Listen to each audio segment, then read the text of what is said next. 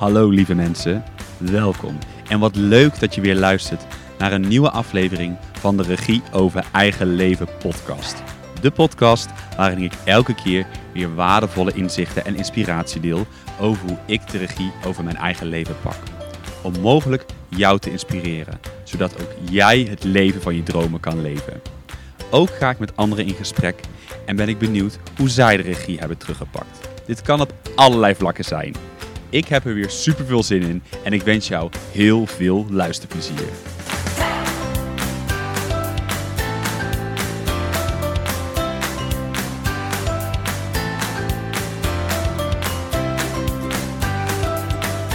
Welkom Anita in de Regie over Eigen Leven podcast. Fijn dat je er bent om samen met mij in gesprek te gaan over hoe jij de regie terug hebt gepakt over jouw leven.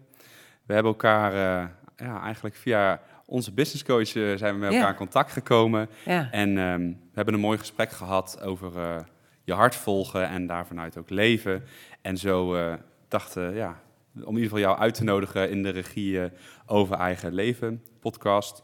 Ik wil de luisteraars, of ik wil jou eigenlijk voorstellen uh, op een nieuwe manier voorstellen. En dat is niet meer zozeer dat, dat, het, nou, dat jij alles gaat vertellen over jezelf, maar dat we al pratend uh, samen in gesprek gaan en dat ze erachter komen uh, ja, wie Anita eigenlijk ja, is. wie Anita is, ja. Wie Anita is. Ja, dat is een mooie manier, Roel. Ja. ja. En um, om meteen met een vraag te beginnen, is eigenlijk de vraag die ik las op jouw website. Ik heb natuurlijk even gekeken op je website, super mooie website ook. En daar stond geschreven, hoe zou het zijn als je alles wat in je hart leeft kan uitspreken. Hoe zou dat zijn? Hoe zou dat zijn, hè? Ja. Dat zou zo enorm veel gemoedsrust brengen. En rust en ja, ook vrijheid in je leven. Ja. Um, ik heb dat natuurlijk zelf ook ervaren. Hè? Ja. Ik bedoel, anders zou ik dat ook niet kunnen zeggen. Nee. En um, het zou... Het is eigenlijk net zoiets... Ik, ik, van de week zei ik het uitspreken wat in je hart leeft zou eigenlijk net zo gewoon moeten zijn als gezond eten en bewegen. Want het heeft zoveel invloed ook op je, op je leven. Maar ook op je gezondheid. Ja. Dus ja. En hoe zou het voor jou zijn als je het uit kon spreken, alles wat in je hart leeft? Ja, ja ik denk ook dat het, het zal, ik zou een soort ook veel meer rust voelen of zo. En uh, ik denk dat je automatisch ook minder over dingen gaat nadenken, omdat je dat, dat het dan veel meer mag zijn. Ja. Dat, gaat, dat is wat, ja. nou wat ik denk, oh ja, dat zou echt wel een soort van rust geven. En dan echt ook wel van het eerlijke. Want ik denk dat je wel heel veel mensen zeggen van, uh, ik leef uit mijn hart. Maar of dat dan, ja, dat weet je natuurlijk dan nooit. Ja, wat uh, niet wil zeggen dat alles gezegd moet worden. Nee. Dat wil ik wel even duidelijk maken. Want heel veel mensen denken dan, oh, dus ik moet alles wat in mijn hart leeft zeggen. Nee, nee. het gaat erom dat wat je wilt zeggen. Ja. En dat wat je eigenlijk ja, wat je steeds binnenhoudt, maar waarvan je voelt, ik zou het zo graag uitspreken. En dat bedoel ik met, wat als je nu je hart dan inderdaad uit zou spreken? Wat zou dat niet aan vrijheid en rust geven? Ja. je zegt het zelf al, uh, vrijheid. En het is ook zo. Je hoeft niet meer ja, uh, constant te denken, oh nee, dat kan ik niet zeggen. Nee. Je zegt het en dan is het ook goed. Ja. Hoe mensen daar dan ook op reageren. Want dat kan natuurlijk heel verschillend zijn. Ja. He, niet iedereen staat te klappen, maar soms uh, zullen mensen ook bedenkingen hebben. Ja. Maar het gaat om jezelf. En, en dan is uh, het uitspreken van wat in je hart leeft, ja, geeft echt vrijheid en rust. Ja. En je, zei, je gaf ook net aan, dat heb je zelf ook ervaren. Ja. Doordat je dat, want jij leeft ook. Uh, je le je ik leeft, leef vanuit mijn hart. Je ja. leeft vanuit, ja. inderdaad vanuit je hart. Ja. En had je daar, heb je daar concrete voorbeelden uh, voor? Want je zei, Ja. zei straks inderdaad, of net straks, je zei net van. Ja, dat ervaar ik zelf ook zo. En wat zijn dan voorbeelden Ja. voor jou dat je denkt van, nou, dat is echt wat ik eerder nooit deed en nu wel bijvoorbeeld? Ja, nou ja, weet je, ik, ehm, ik heb ook altijd mijn mond gehouden. Hè. Ik, ik, oh, ik was wel een spraakwaterval, maar niet over de dingen die echt in mijn hart leefden. Nee. En ik heb een aantal dingen in mijn leven meegemaakt die gewoon heel ingrijpend waren. Ehm, onder andere mijn kinderloosheid, om een voorbeeld te noemen. Ja. En als mensen dan tegen me zeggen, goh, komt er bij jullie nog niet eens een keer een kind? Of, of als mensen daar opmerkingen over maken, dan zeg ik, oh nee joh, helemaal geen tijd voor. Of uh, nee, ik ben nog niet zo ver. En, terwijl ik eigenlijk wilde zeggen, ik zou het heel graag willen, maar het lukt nog niet. Hmm. Maar dat hield ik dan binnen. Dat heeft ook geresulteerd dat ik, uh, ja, dat ik uiteindelijk ziek werd. Ja. Omdat alles wat ik binnenhield, wat mij heel veel verdriet deed, of wat mij raakte, zorgde ervoor dat ik uh, ziek werd. Ja. En, um, je maakte jezelf eigenlijk ziek? Eigenlijk maakte ik mezelf ziek, ja. Omdat um, het, wordt, het wordt steeds meer, die last ja. hè, van het niet uitspreken. Wat niet wil zeggen dat alles wat je in je hart zei, uh, leeft, dat het zware dingen moeten zijn. Hoor. Het kunnen ook luchtige dingen zijn. En dromen die je hebt waar je eigenlijk nou, ook niet goed durft te zeggen van... Uh, ja, dat is eigenlijk mijn droom. Want ja, soms zullen mensen zeggen... ja, joh, doe ze normaal, dat kan helemaal niet. Gelijk naar Euro Disney, ja. Ja, weet je? Dus het, het, het, gaat niet alleen om zware dingen... Waar je, waar je ziek van kunt worden... maar ook om de kleine dingen die je niet durft te zeggen.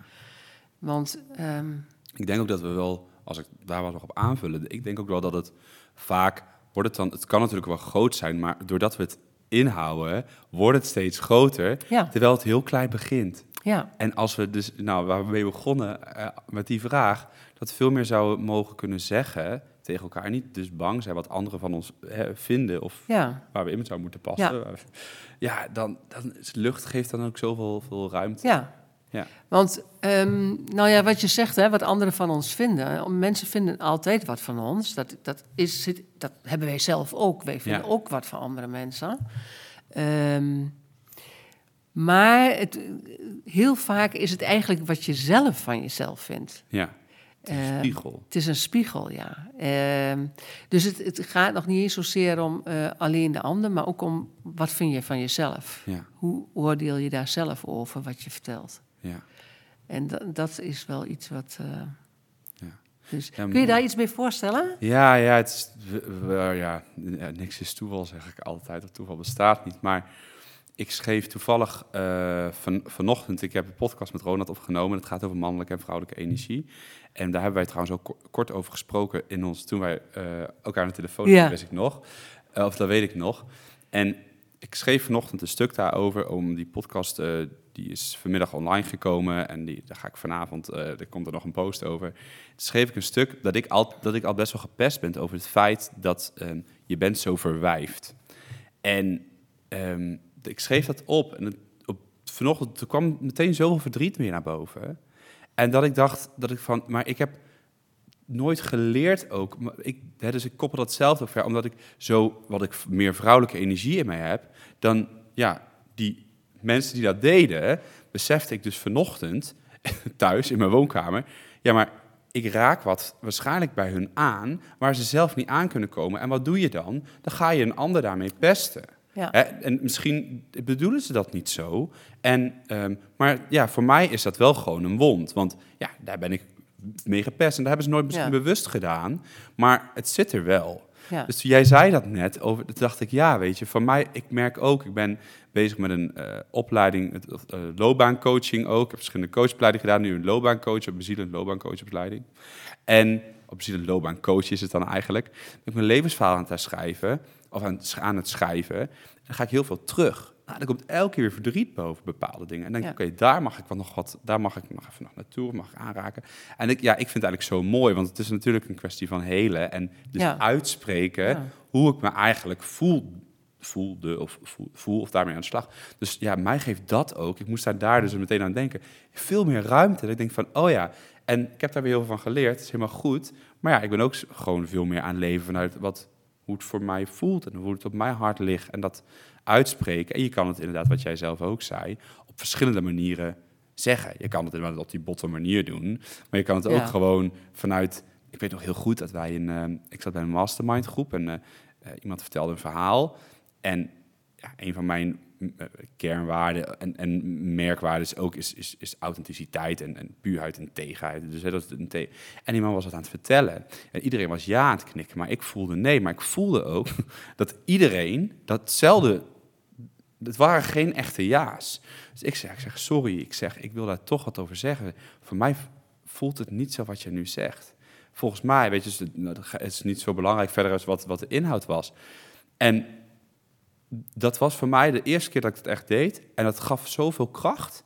En uh, ik heb die man zo erg geholpen daarmee. wat er daarna gebeurde. Terwijl we allemaal hadden ja hadden geknikt, dan was er niks gebeurd. Dus dat Ja, zijn de en- voorbeelden voor mij. Ja, dat is vaak de angst hè, van heel veel mensen om gewoon eerlijk tegen iemand te zeggen van... Goh, ik, ik, ik hoor dit, maar ik voel dat. Ja, Eh, dat is ook iets wat we niet leren op school of Nee. zo. Ik bedoel, op school leren we rekenen en taal en noem Ja. maar op, maar dit soort dingen niet.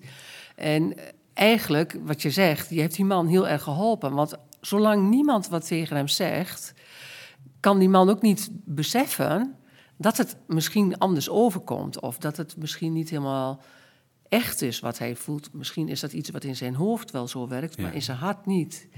En door alleen al te zeggen van, goh, ik, ik, ik voel die ja niet, terwijl iedereen ja zegt, ja, dan help je zo'n iemand om te denken van, is het dan in mijn hoofd of is het in mijn hart? Ja. Die man die kan ook naar zijn eigen gevoel op dat moment. ja, En dat is wat, ehm, ja, wat ik ook altijd bij mensen probeer. Zo van, weet je, de hele buitenwereld, die, die is aan de ene kant je spiegel, maar aan de andere kant eh, hebben wij ook geleerd om mensen eh, ja, niet eerlijk te durven zeggen hoe we, eh, hoe we ze ervaren. Omdat we bang zijn iemand te kwetsen of, of om zelf afgestolen te worden. Hè? terwijl je volgens mij, wanneer je iets niet eerlijk zegt, veel minder eerlijk bent. Ja, tuurlijk. Ja. Hè? Want dan ben je gewoon aan het, nou ja, liegen, maar je bent dan niet, niet eerlijk. Nee, maar dat is omdat heel veel mensen het niet durven. Ja. Hè, om dat te zeggen, eh, om eerlijk te zeggen. Er zijn er sommigen wel, maar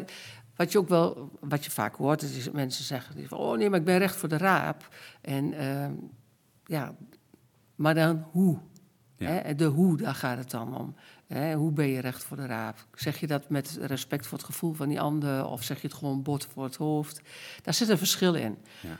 Maar het, het punt is vaak dat, ehm, wat ik net ook probeer uit te leggen, is dat wij heel vaak ehm, denken dat de buitenwereld een idee heeft eh, over ons, maar dat dat niet altijd hoeft te kloppen. Eh, omdat, ehm, omdat het iets is, een overtuiging van onszelf.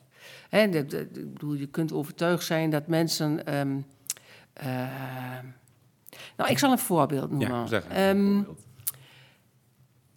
als je. ehm, ik, ik ben heel veel in de wereld van homoseksualiteit. En, Ja. en daar kom ik heel veel. En daar hoor ik heel vaak van: ja, maar er is een oordeel over eh, het homo zijn.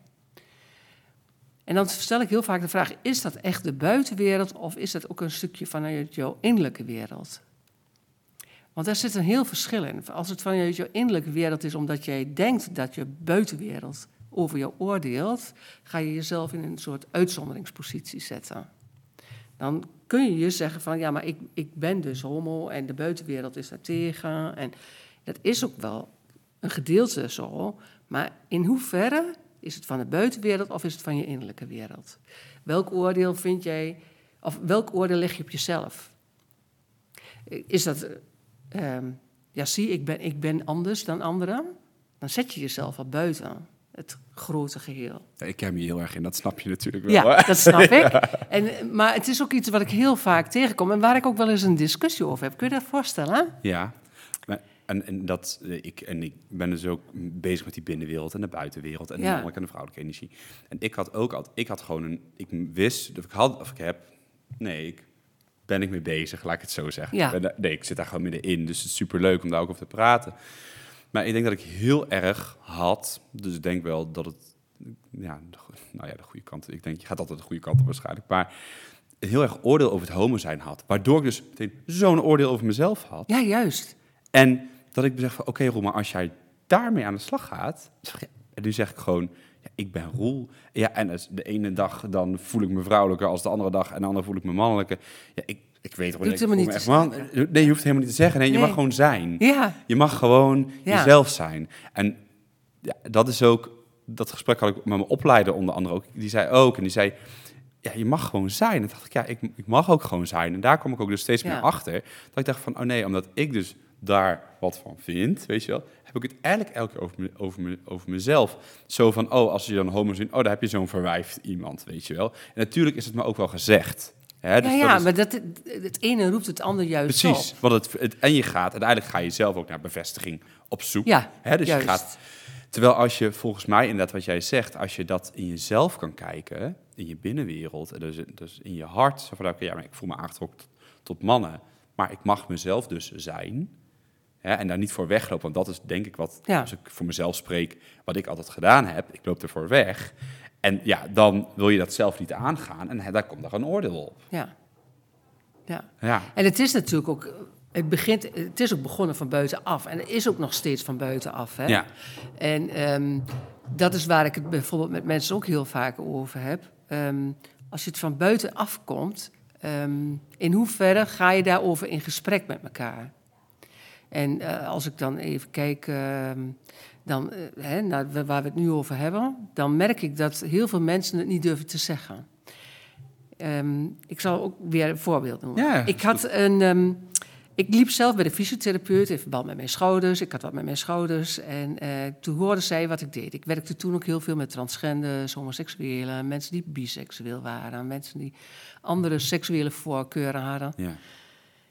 En toen zei ze: Ja, ja ik durf het bijna niet te zeggen, zei ze, maar ik snap helemaal niks van die transgenders. En toen zei ze zegt, Ja, sorry hoor, zegt ze, dat ik dat zeg. Ik zeg: Nee, Nee, ja. ik vind het juist heel fijn dat je Ja? dat zegt. En toen keek ze me zo aan. Toen zei ik, ja, want hoe kan ik met jou in gesprek gaan als jij zegt, ja, nee, snap ik hoor, iedereen moet ook zijn zoals hij is. Terwijl jij diep in je hart vindt, ja, ik snap er helemaal niks van en ik Nee. vind het maar raar. Want, en dat is wat, we, wat ik ook steeds een beetje roep als ik kijk naar die wereld, hè, waarin vooral seksualiteit eh, Mhm. toch steeds een stempel krijgt nog. Zolang wij roepen van nee hoor, iedereen mag zo zijn zoals die is, en dat geldt eigenlijk op alle vlakken, maar diep in ons hart voelen we wat anders, dan krijgen we een schijntolerantie. En die schijntolerantie, en of dat nou is op homoseksualiteit of op kinderloosheid of op iemand die eh, polyamorie, eh, polyamoreus is of iemand die ehm, gewoon van zichzelf uit zegt: Ik wil gewoon single zijn, ik wil Ja. geen partner en ik wil geen kinderen. Er zitten op heel veel dingen waar, die wij niet kunnen begrijpen in onszelf, kunnen heel veel oordelen zijn. Ja. En zolang wij roepen van nee hoor, maar iedereen mag zo zijn zoals die is, maar in ons hart het anders voelen. Ja. Eigenlijk is het ook een soort van even gordijn dichttrekken of zo. Ja, zo van, nou ja, ik, ik mag er niks meer over ja. zeggen, hè, want dan word ik afgemaakt in de maatschappij, om het maar even zo te zeggen. Hè. Als, Ja. ik nu, als ik nu zou zeggen, nou, ik, ik, ik, ik, moet er- transgenders, daar moet ik helemaal niks van bah, blok. Ja. Weet je, dan, als, dan zou ik de halve wereld over me heen krijgen.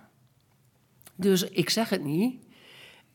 Nee. Maar je hebt het nou wel gezegd, hè? Maar ja, ik heb het nu wel gezegd. Maar gelukkig denk ik niet zo. maar, weet ik. eh, weet je, de- maar als, als ik dat dus eh, niet hardop mag zeggen, kan ik ook geen, ehm, eh, kan ik ook niet in gesprek met, of Nee. dan kan men niet in gesprek met je. Nee. Dus ik ben er heel erg voor, dus ehm, dat je dus dat wat in je hart leeft, want ook dat leeft in het hart van iemand, dat je dat uitspreekt. Ja. Want nou zul je maar zo denken, hè, zoals mijn fysiotherapeut. Stel nou dat haar kind komt en zegt... Ja, mam, eh, ik ben wel eh, man, maar eigenlijk voel ik mij vrouw. Ja. En zij heeft zo'n sterk oordeel altijd gehad en ze heeft er nooit over willen praten. Ja, ze zou de eerste niet zijn die een kind verstoort omdat ze anders zijn. Ja. En ehm, ja, ik ben er dus voor dat het gewoon uitgesproken wordt. Ja. Want dan kun je met elkaar in gesprek. Ja. Ja, precies. Dus ook dus letterlijk gewoon net vragen.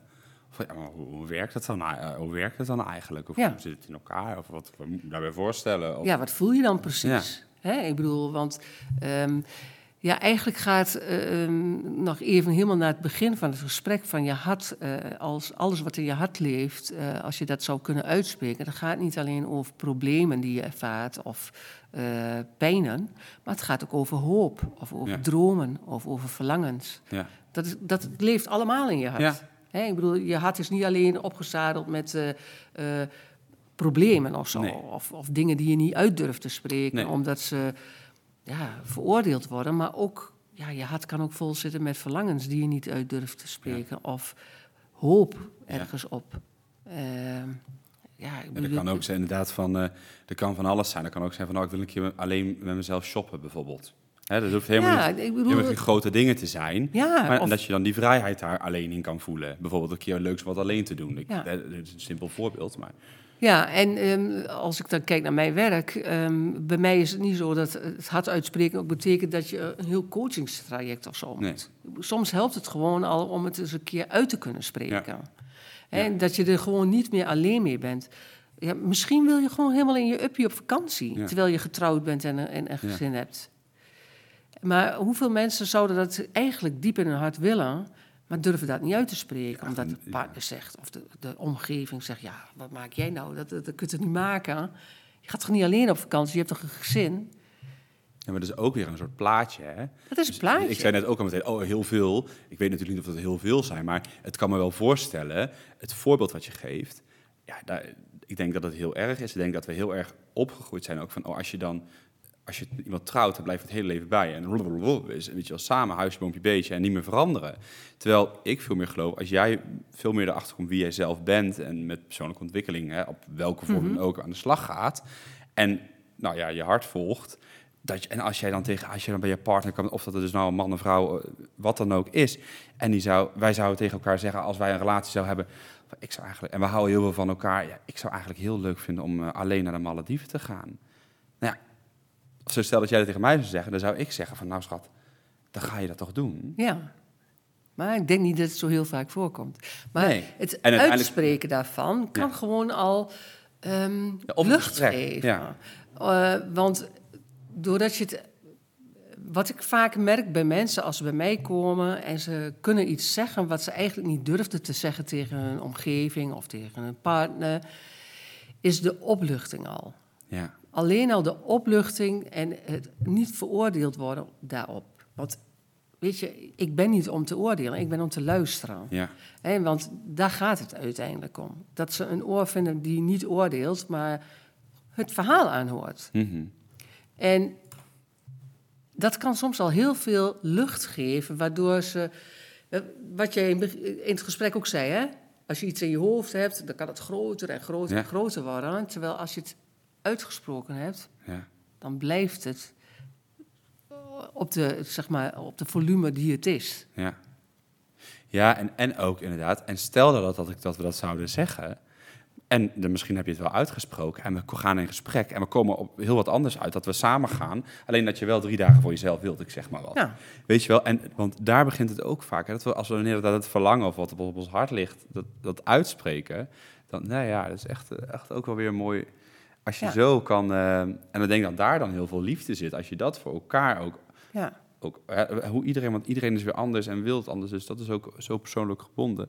ja. Ehm, maar je zei al een aantal keer, als mensen bij mij komen, als bij mij op mijn, op mijn werk, wat, eh, waar, wat voor bedrijf eh, heb je, waar help je mensen dan mee? Nou, waar ik mensen mee help is, ehm, zoals je op mijn site zult zien, is het eerste wat ik vraag is aan mensen, ehm, hoe zou het zijn als je eh, verlicht kunt leven of verlicht kunt sterven? Ja, En daar bedoel ik mee, eh, is eigenlijk dus dat waar we het net al over hadden, hè? die steen van je maag en dat, dat hart luchten. ja, Dat bedoel ik met verlicht leven, want ehm, dat, dat lucht op. Mhm. Dus dat geeft verlichting. Ja, dus, dus, Eh, dus- dat verlicht leven. Verlicht leven houdt dus in dat ze eigenlijk alles, maar dan ook alles bij mij bespreekbaar is. Ja. Ehm, ik heb geen, geen grenzen daarin, omdat ik vind alles wat je in je houdt, wat je wilt vertellen, Mhm. dat moet je kunnen vertellen. Ook al is, blijft het bij dat ene gesprek. Ja. Ehm, verlicht sterven is meer bedoeld voor. Stel dat je. Ja, ehm, ik, noem, ik noem het voorbeeld Ja. even. Ik heb een broer die heeft bijvoorbeeld MS. Ja. En MS is een ziekte, je weet nooit hoe het loopt. Dus je bent anders met je sterfelijkheid bezig hè, dan de doorsnee mens. Wij kunnen natuurlijk allemaal niet weten wanneer we overlijden, maar goed, de sterfelijkheid is iets dichterbij. Of iemand die zegt, mijn leven is voltooid, ik wil gewoon niet meer leven. Wat zou je dan nog achter willen laten? Wat moeten mensen nog van jou weten? Wat, wat wil je dat ze van je weten? Want er is niks erger dat je sterft en je had eigenlijk nog heel veel willen zeggen. Ja. En eh, dat zeggen, dat kun je verpakken in je verhaal, kun je verpakken in iets tastbaars. In, eh, om wat een fotoserie die je zelf maakt, of een videofilmpje, of een, een schilderij wat je in elkaar flanst. En dat is waar ik mensen bij help. Hun verhaal vangen, zowel bij verlicht leven als bij verlicht sterven. En kijken wat je daar aan ehm, wilt delen Mhm. met anderen. Of waar je misschien niet wilt delen, maar alleen voor jezelf wilt uitgesproken hebben. En dat is meer, ja, dat is het verlicht leven en sterven. Ja. En hoe ben je daar gekomen? Ik ben er gekomen, en dan gaan we naar het begin weer van het gesprek, dat ik zelf ziek eh, werd van eh, de dingen binnenhouden die eigenlijk eh, heel diep in mijn hart leefden. Ja. Dan heb je het over dat verlicht leven. Hè. Ehm, ik, had, ik praat er niet over mijn kinderloosheid. Ik praat er niet over. ehm, nou ja, ik bedoel, ik- ben gescheiden. Of ik, ben, ik heb ook verkrachting meegemaakt. Twee. Dus daar praatte ik niet over. Nou, door daarover te praten, verlichtte ik mijn leven. Kon ik weer beter worden. Kon ik Ja. helen. Ja. Kan ik het nu een plek geven. En verlicht sterven. Ik heb in mijn werk met terminale mensen... heb ik heel veel mensen zien sterven... die eigenlijk niet bij machten waren om in gesprek te gaan... met degene die achterbleven. En ehm, ik wat zag zat daar dan zo? Wat, wat was er dan zo wat een tegenhield? wat daar tussen... Wat daar, tussen zat, ja. ja, wat er tussen zat, wat het tegenhield... is toch die kwetsbaarheid laten zien. ja. kwetsbaar durven zijn over de pijn en verdriet die je voelt, of de hoop die je hebt, of de, eh, nou, de, de droom die je misschien nog had, eh, om dat uit te spreken. Ja. Mensen willen vaak niet tot last zijn. Degene die, zeg maar, stervende is. En dat stervende is heel rekbaar, want ik, ik bedoel, ik praat niet pas met mensen als ze terminaal zijn, maar het liefst twee, drie jaar ervoor nog. Ja, ja. Ehm, maar, ehm, dus het, ja, het, ehm, het niet willen kwetsen, eh, niet tot last willen zijn, dat houdt heel vaak de mensen tegen om dat te zeggen wat ze echt voelen. Eh, soms ook dingen nog goed maken. En, ehm, en omgekeerd, vanuit degene die achterblijven, zijn heel vaak mensen die vragen hebben. En misschien herken je dat, misschien wil je zelf. eh, Heb jij wel eens dat je denkt: Goh, ik had eigenlijk wel meer van mijn oma of mijn opa willen weten? Ja, ja zeker. Zeker. Ja, ik, mijn opa en oma zijn best wel vroeg gestorven. Eén opa heb ik ook niet, heb ik niet, heb ik dan niet gekend. Eén oma, ja, weet ik wel nog wel dingetjes van, maar niet. eh. En andere, ja, daar heb ik, ik, was, ik was vrij jong. Volgens mij, mijn, ik was van maar 14 toen mijn opa sterfde. En toen had ik ook geen, ik had heel jong ook geen opa en oma meer. Tenminste, ten opzichte Mhm. van vriendjes en vriendinnetjes om mij ja. heen. Ehm, en soms hoor ik nog misschien even een opa en oma en denk ik, wow, oh, daar heb ik al 16 jaar niet meer. Ja, Weet je wel? En dat is denk ik best wel. En dan heb ik, heb ik ook echt wel. ehm, ja, ik denk dat, dat je wel inderdaad, als je dan wat hebt, inderdaad, wat je dan zou. Ja, daarom zijn die zo'n zo'n foto's en dat soort dingen zijn natuurlijk ook super mooi om daar naartoe terug te kijken. Ehm, en ook wel, ik denk ook wel bepaalde vragen, ook met, dat, met bijvoorbeeld het schrijven van mijn levensverhaal. Best wel wat vragen opgekomen. Ook dat ik naar mijn ouders toe ging en dingen ging Ja. vragen. Dus ik ben heel blij dat ik dat heb mogen, dat, dat, dat, dat, dat ik dat kan doen. Ehm, maar ook wel, mijn tante is heel vroeg gestorven. eh, vier jaar geleden, drie, vier jaar geleden. En ja, dat was, daar had ik ook, weet je, daar heb ik nog steeds verdriet van. De momenten, weet je wel, dat, Ja. dat, dat, dat, de dingen er komen.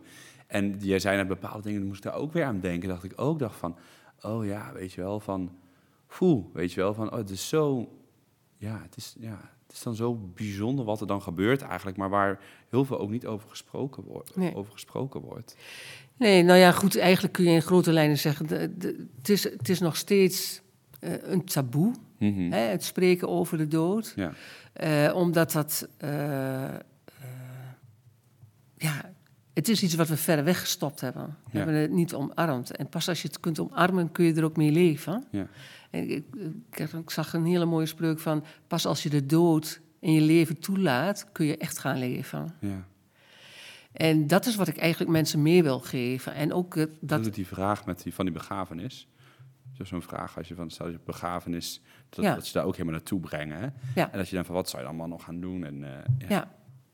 Maar dan... dan ehm, En dat, dat is wat ik dus eigenlijk ook aan mensen wil meegeven. Ook van ehm, dat wat je wil vertellen.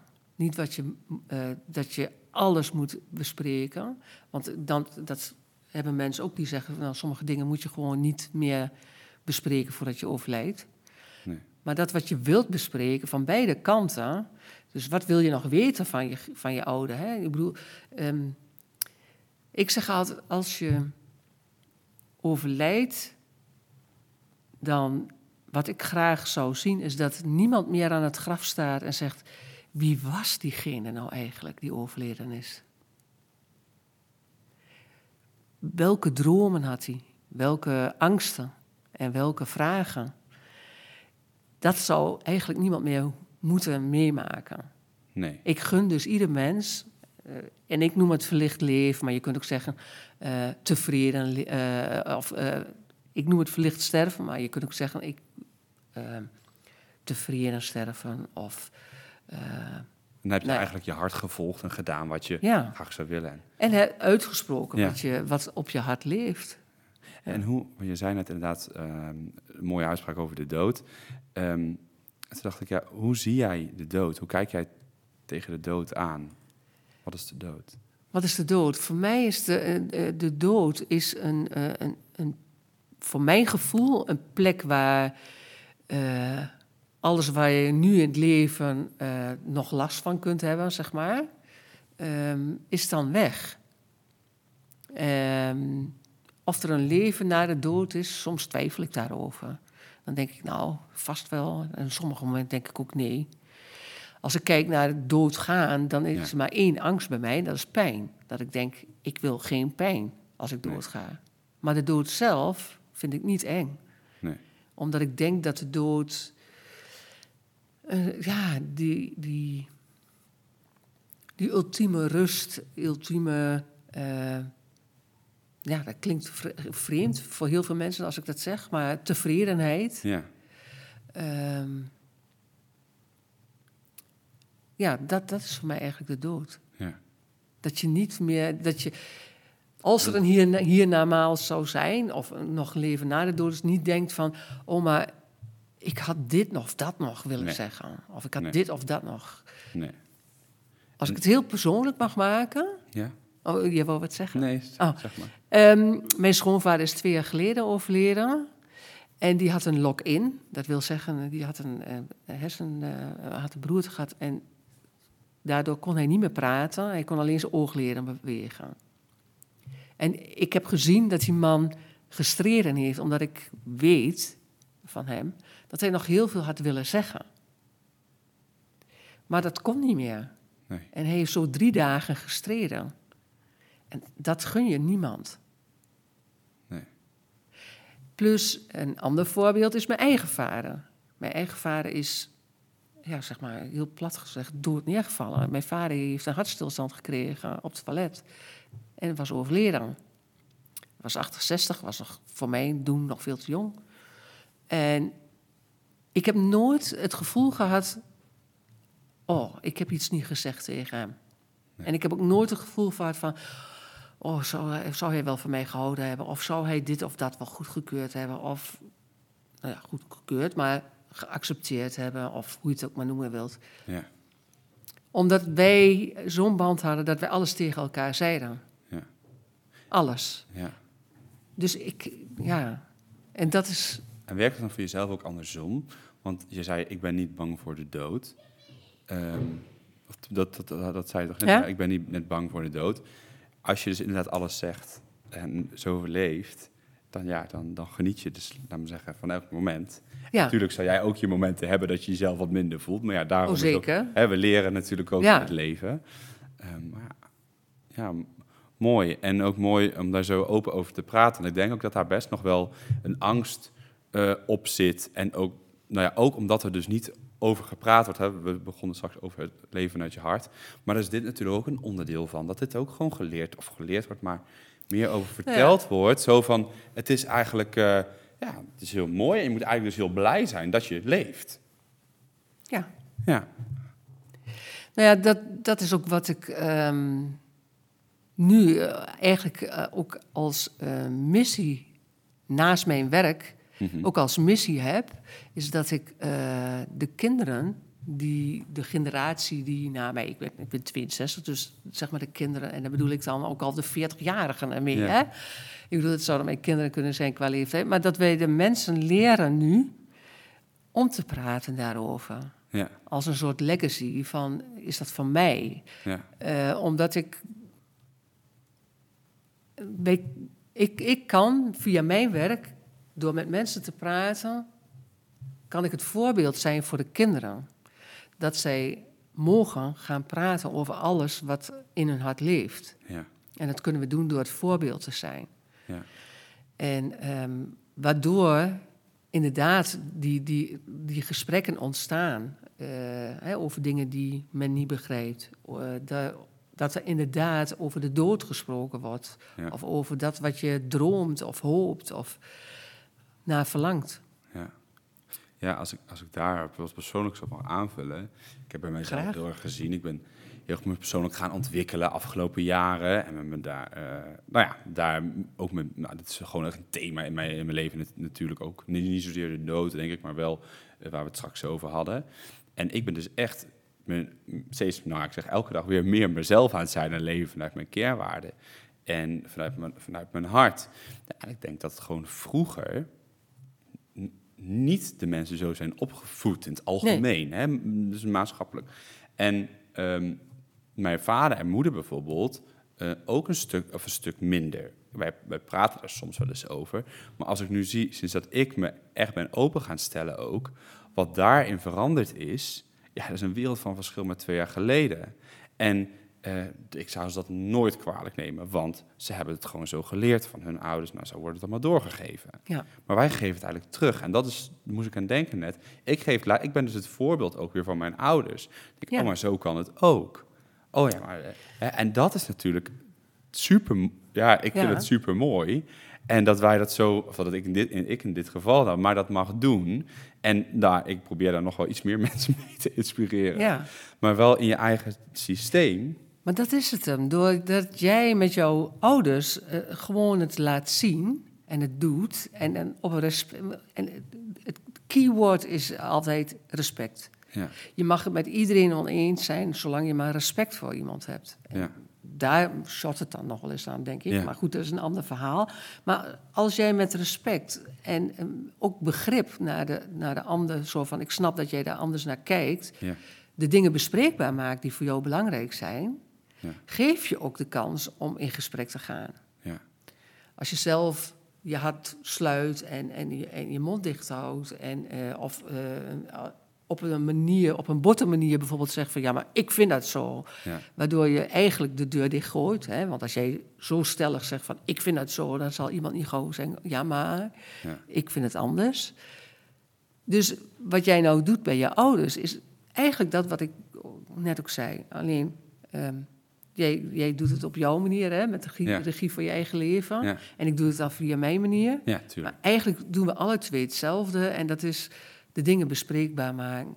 Neem je het heft in eigen handen voor je eigen leven. En dan kan de rest achter jou kan ook met je meestromen. Ja, ja ik, en dat is voor mij in ieder geval wel heel erg. Ik zie dat dat ook wel dat gebeurt. En ik weet ook, als het, no, als het nu niet gebeurt, dan gebeurt het nog niet. Maar ik ga niet meer terug. Nee. En dus mensen die bij mij willen aanhaken, op wat voor manier dan ook, ja, daar is dit heel belangrijk. Ja, En, en als jij niet, daar niet voor open staat, ja, dan zijn we geen match. En dat is ook oké, want ja, Ja. ik kan niet met iedereen vrienden zijn. Nee. Hè, of vrienden zijn, maar hè, het is gewoon, nou ja, het is gewoon waar ik voor sta. ja. En eh, ja, je wilde wat zeggen? Nee, doe maar. Nee. Nee, ja, dat is, ik dacht, weet je wel, dus ik weet ook dat bij sommigen, die, daar is het nog, komt het of te dichtbij, of het is nu nog niet het moment. Of, en dan denk je, ja, dat- het komt ook allemaal wanneer het bij ieder moet komen. En dat, ik kan alleen maar een soort van, Ja, ik vind voorbeeld nooit echt een fijn woord of zo, maar ik kan meer laten zien hoe ik mijn leven kan ja. leven en hoe wij mensen eh, helpen. En ja, laat ik mensen inspireren. En als ze willen aansluiten, sluiten ze aan. Dan spelen ze even lekker Ja. mee. En ja, daar hou je ook die luchtigheid daar zo, eh, zo in. En is dat makkelijk? Nee, helemaal niet. Ik heb echt een paar rotjaren gehad, weet je wel. En, en, en het nog soms nog steeds. Maar ja, als je elke keer wel weer naar jezelf terug kan komen. Hè, en vanuit daar, ja, dat is, dat is de magic. Ja. ik ieder Ja. geval, ja. Nou ja, weet je, dat, dat is. ehm, ehm, op mijn manier doe ik dat. de werkwijze waar ik dat op doe, is dat ik ehm, nooit face-to-face met mensen zo van eh, recht tegenover elkaar zitten en vertel je verhaal maar. Maar meestal ook door dingen te gaan doen Mhm. en die drempel lager probeert te maken, zodat het niet zo bedreigend kan zijn om in gesprek te gaan, om te vertellen wat er in je hart leeft. Want dat kunnen heel veel mensen, eh, ja, of heel veel mensen, er zijn best wel mensen die dat moeilijk vinden. Die zeggen, ja, maar ik ben heel introvert en ik ben niet zo makkelijk te praten. Daarom doe ik het op een hele andere manier, op mijn eigen manier. Zo ga je dus ook te werk. Ja. Dus je gaat het op, op jouw manier, wat Ja. je zegt. Je gaat Ja. mensen niet zozeer tegenover elkaar zitten en dan praten. Soms in een vorm voorkomen, maar veel meer dingen doen. Ja, door dingen te ondernemen die aansluiten bij hun, hun eh, interesses, zeg maar. Ja, mooi. En dan maak Dus je het is heel erg maatwerk. Ja. Ja, ja. En dan persoonlijk. En ik, ik las dat je een, eh, een herinner- herinneringsboek had staan op je website. Ja, En wat ik je graag vertellen wil. ja. Sluit dat ook aan als ik het een beetje wat je, met wat je net zei? Ja, dat boek is vooral om. ehm, eh, mensen kunnen dan foto's eh, aanleveren met, en daaruit halen we de verhalen. Ehm, als jij een foto kijkt, hè, wat je zei net al, hè, dat je eh, de foto's kijkt van je opa en oma bijvoorbeeld, dan kunnen jouw ouders, die zouden aan de hand van die foto één verhaal kunnen vertellen, puur van wat je daar ziet. Maar ze kunnen ook een verhaal vertellen over welke fase je opa toe- of oma toen zat met hun. Eh, Ja. Of ehm, ehm, eh, wat er in, in, in de- het leven van niet je van opa of oma, maar je ouder op dat moment speelde in relatie tot haar, Ja. hun ouders. Dus je kunt, wat ik zeg, je kunt met eh, één foto kun je wel drie verhalen, wel vier verhalen naar boven halen. Hè, Dus aan de hand van, stel dat jij een foto hebt van dat je eh, moeder samen met je, je opa op de fiets zit, dan kunnen ze vertellen over, nou, hè, we gingen hier naar, eh, weet ik Kinderboerderij, veel, naar de ja. kinderboerderij. Maar ze kan ook vertellen van, mijn vader was op dat moment voor mij een held. Ja. Ik noem maar wat. Ja. Eh, en, en dat was hij omdat hij altijd met mij naar de kinderboerderij deed en leuke dingen deed. Ja. Of met mij, eh hè, met En hij reed, troosten. hij reed op de fiets van zijn vader weer. Weet je, dus je kunt, je kunt eh, herinneringen, kun je, met foto kun je verschillende herinneringen en gevoelens naar boven halen. Ja. En dit is dus ook een ander fotoboek dan, je hebt ook andere boeken waarin je foto's en god, eh, eh, herinneringen op kunt halen. Ja, Maar dit gaat iets meer naar de diepte in. Mhm. Dit gaat iets verder dan het plaatje wat je ziet. Het Ja. gaat ook naar het gevoel wat erbij zat. Ja. Dus. Zo heel, heel, ik, moest, ik ben dus de, opleiding loopbaan, de loopbaancoach en we werken dus ook, dit nu in een, eh, gaat over kinderfoto's. Dus ik heb ook twaalf kinderfoto's van mijn bepaalde leeftijd. En dan zie je de terugtrekking ook van het, van het, van het kind in de ogen. En dat is naast, ja, het is, het is fantastisch. En het, het gaat natuurlijk dan, eh, nou ja, weet je, maar dat er dus meer, ik moest aan denken, er is dus meer op een foto te zien. Ik zie mijzelf ook gewoon veranderen in Ja. ogen. En, en nu heb ik dus één foto uitgekomen, moest ik uitkiezen. En die heb ik dus prominent in mijn kamer staan. Ik ga hem, moet hem nog, of ja, moet hem, ik mag hem vergroten, maar ik ga hem dus vergroten. Dat is zo mooi. En elke ochtend kijk ik daarnaar en dan denk ik, dan voel ik me zo fijn als ik daarnaar kijk. ja, ja. Dan ben je zo in die verbinding. En dat, ja, ik vind het echt van, nou, ik moest daar Wat denken. vertelt daar zo'n foto Ja, van? voor, mij- voor mij, Ja. ja, dan zie ik die ogen en denk ik, ja, daar straal ik. Weet je wel? Daar straal ik, daar ben ik echt gewoon lekker speels. Niet met zoveel dingen bezig, hè, of met die, en veel meer vanuit angst ben gaan leven. Daar ben ik echt gewoon... Mijn opleider zei ook van, Roel, dit is, eh, dit is echt wie jij bent, zei hij. Hij zegt, die, jij schreef, eh, of jou, ik schreef iets over mijn kernwaarden ook en over mijn merkwaarde. Dat ging over puurheid, daar heb ik het heel vaak over. Hij zegt, dit is gewoon, hier zit niks tussen, zei hij.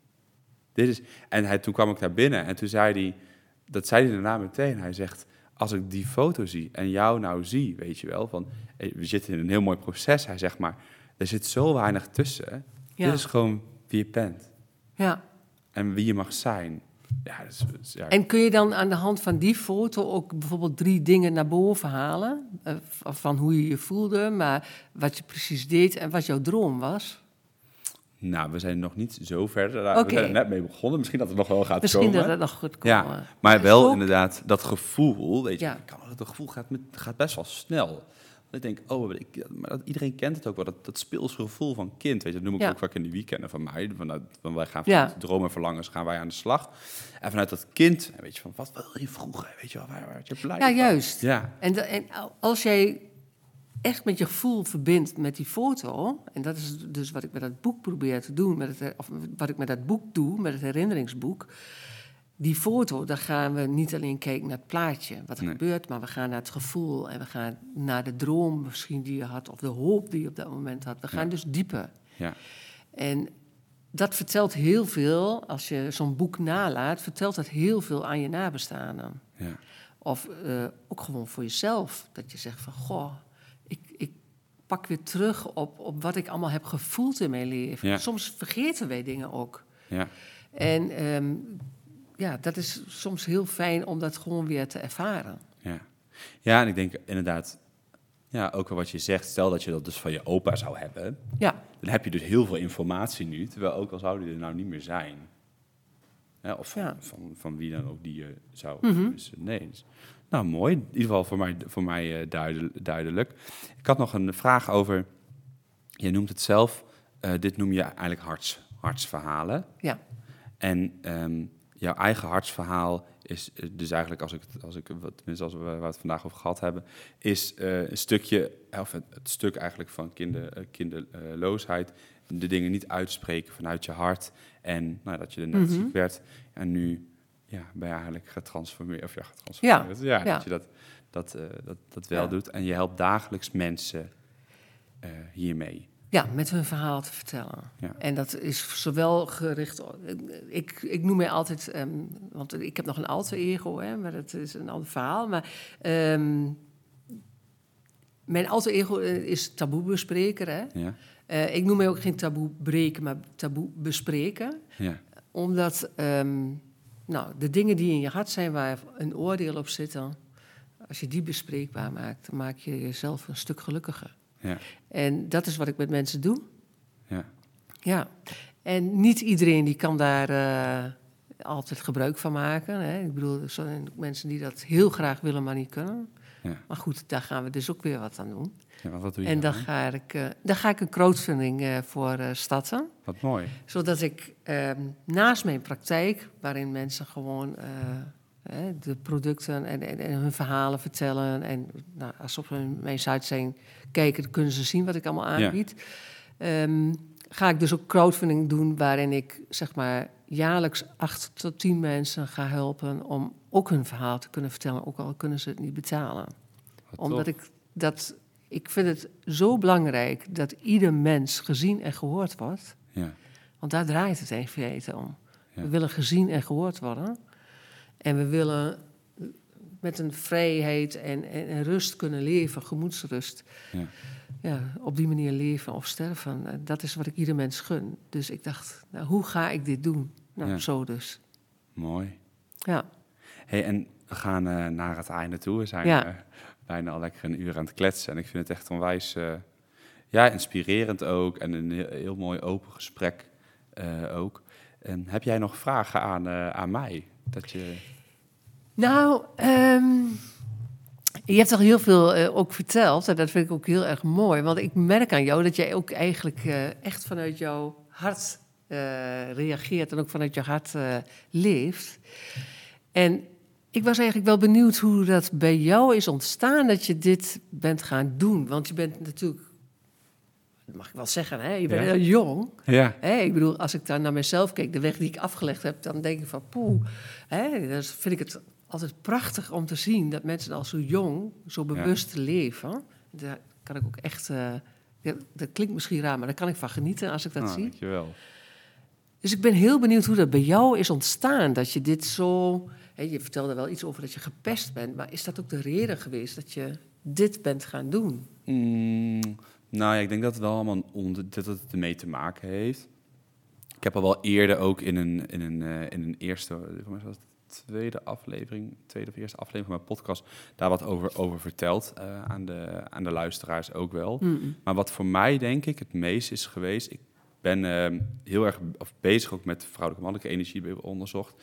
En ehm, ik denk dat ik, doordat ik mezelf altijd anders gevoeld heb, ben ik heel erg naar mezelf op zoek gegaan. Al op een hele jonge leeftijd. Ehm, ik had het toevallig met mijn opleider ook over. Ehm, en dat het dus eigenlijk, eh, daar kom ik dus nu achter, dat het dus ook echt mijn roeping is. Dat ik dat gewoon echt hier kom doen en daar echt mensen mee kom helpen. En dat ik echt in een soort van ja, space shuttle gezeten heb de eerste 30 jaar van mijn leven. Om te zijn waar ik nu ben. En dat ik hier op aarde ook ben.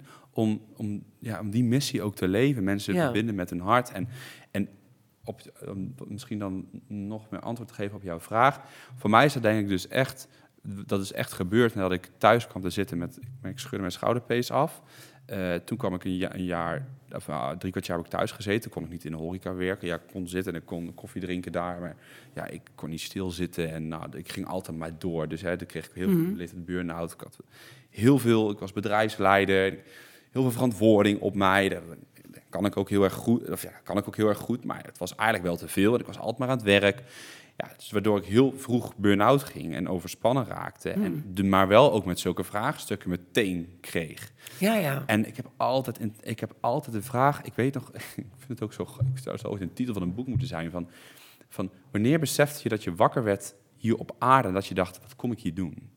Weet je, dat is, Ja. dat is zo, dat, ik heb dat heel sterk op een gegeven moment gehad. En toen dacht ik, ja, ik kom hier toch niet om alleen maar hier, hallo, hier ben ik en ik kom hier niks en dan ga ik dood. Over de dood, dat was een van mijn vragen aan mijn moeder, weet ik nog, dat ik tegen mijn moeder stelde. Toen zei ik, mam, ik zeg van, maar ik wil, ik wil helemaal niet dat jij doodgaat. Dat weet, weet ik ook nog dat ik dat, dat, ik dat zei. En, en toen zei, en toen weet ik nog dat ze heel goed zei, dan, wat zegt je moeder dan? Oh, maar dat gebeurt nog lang niet. Hè, dat, dat, dat zegt elke, denk ik Ja, bijna elke moeder. Ja, Hè, dus dat moet- is heel daar logisch. moeten we ook van Dus eh, mama, als, Ja. je het, als je het hoort, eh, dus je bent niet anders dan andere moeders. Nee hoor. Dat, is- Maar dat, daar voelde ik wel meteen een angst. En toen, en toen ben ik op een gegeven moment daar, daar ben ik, dat heeft wel doorgesukkeld heel lang bij mij.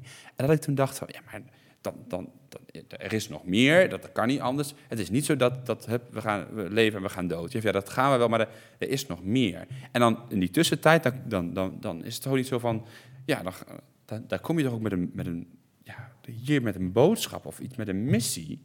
En ja, ik heb daar al heel snel leerde ik dus, denk ik, bij mijn gevoel komen, omdat ik mezelf altijd anders gevoeld heb. Hè? Omdat ik op, op mannen val, Ja. nou, ook echt ik heb therapie mee ge- gehad heb, een psycholoog, nou noem het allemaal op, heel veel gepraat heb en ook de juiste mensen om me heen verzameld heb. Zo voelt het. Ja, ik weet niet of ik dan antwoord geef op jou. Ja. op jouw Ja, nou ja, zeker, zeker. Ik bedoel, ik snap het nu heel goed. Maar wat ik zo mooi vind, is dat jij zei van ja, al, al jong dat je met die vragen bij jezelf kwam. Want ik bedoel, het kan, had ook anders kunnen zijn. Hè? Doordat je altijd eh, gepest werd Ja. en, v- en anders was, had je ook, om het maar heel veel, even anders te zeggen, de kont tegen de krip, hè, Ja. zoals we dat zeggen, eh, kunnen gooien en denken van eh, pff, eh, die, die maatschappij, ik schop er tegenaan. Ja, Maar dat is dus niet zo geweest. Nee. Dus de- iets in jou is al eigenlijk al heel jong waarschijnlijk dan ja, met vraagstukken bezig geweest. ja. Ja, ik, ik, ik verbaas me daar zelf ook nog wel over hoor.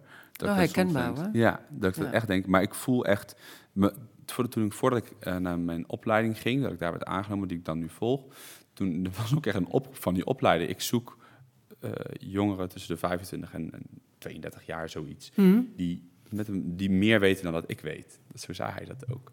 En ik voel ook dat ik gewoon heel veel wijsheid in mezelf heb. Ja, een beetje dubbel om wel te zeggen, maar... nee. het is- nee, maar ik- dat, da- dat ja. is nou zo'n mooi voorbeeld wat je Ja? doet. Nou, oké. Want wat jij nu zegt is, ja, dat is dan een beetje...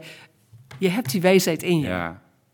Ja. En, wat, en wat ik dus ook probeer te zeggen tegen mensen... eh, er is niks taboe. Dus als je, en, en het, is niks, het heeft niks te maken met arrogant... maar het heeft te maken met zelfkennis. Ja. En als, je, eh, als jij zegt nu, eh, ik heb die wijsheid heb ik gewoon al heel vroeg in me, Ja. dan is dat, is dat het. Ja. Hè? En, en, dus we hoeven niet te zeggen van ja, nee, nou, dat kan ik eigenlijk niet Nee. zeggen. Nee, maar- ja, nee, ja, nee. Nee, maar dat, dat, Ja. dat is wat we dus Eens. doen. Ja. Ja. Maar heel mooi. Mooie vraag. Ja. ook. Ja. dankjewel. Nou. En het is ook echt mijn boodschap om dat in, op, op, op een luchtige en wijzige, of, eh, sorry, luchtige en ja, laagdrempelige manier dat aan de buitenwereld te gaan te delen met wat ik doe. En, en dat, dat hele taboe daar ook over. Ja, En, en ik probeer gewoon mijn leven te, of ik leef gewoon mijn leven. ja. En zo wil ik dat de mensen ook laten, ja, laten eigenlijk laten zien op die manier. En onder andere organiseer ik dan de weekenden. Ja, ja, daarin, Ja, eh, in- daarin raken we elkaar ook aan. Hè? In die zin van eh, het, het luchtig. En Ja. ik bedoel, want voor mij is luchtig werken en, en humor erin houden. Ja, maar, ook, ja, ja, maar ook voor degene die bij mij komt. Want wij zijn zo geneigd om het iets heel zwaar te maken. Maar je kunt iets ook... Met lucht kan het nog steeds ernstig zijn. Ja, Ehm, ja, de- ik bedoel, dus wat dat betreft, en ja, taboe, ja, ik sta erom bekend als eh, de taboe breken, dus, eh, of bespreken noem ik het dan zelf. Dus, eh, dankjewel Anita. ik snap hem. Fijn, Ja. dankjewel.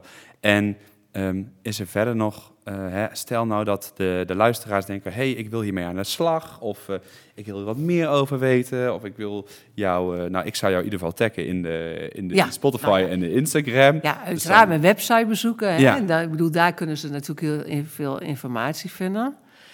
En ja, wat, om te beginnen kunnen ze altijd het 15 minuten gratis eh, oriëntatiegesprek aanvragen. Dat bellen we gewoon 15 minuten om te verkennen. Nou, wat, wat kan ik voor je betekenen? Waar zou je mee zitten waar je het over wilt hebben?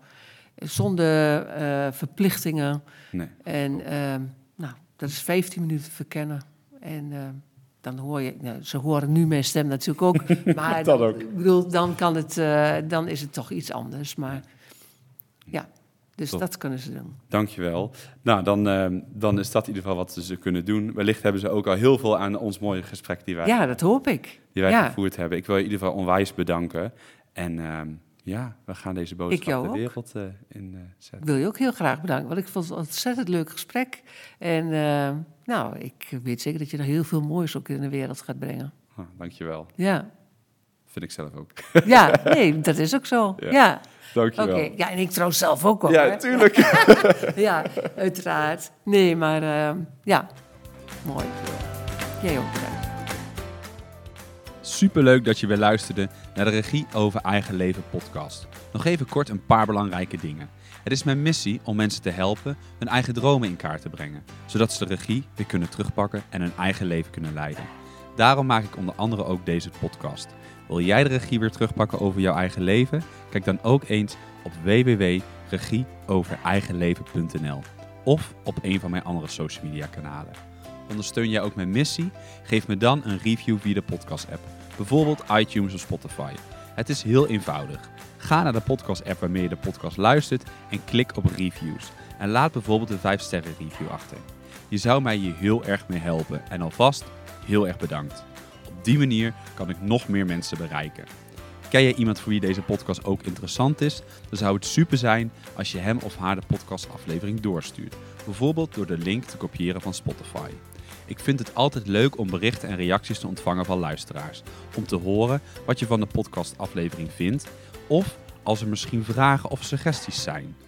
Of als de aflevering je een bepaald inzicht heeft gegeven. Of als er iets in beweging is gekomen. Stuur me dan gerust een berichtje.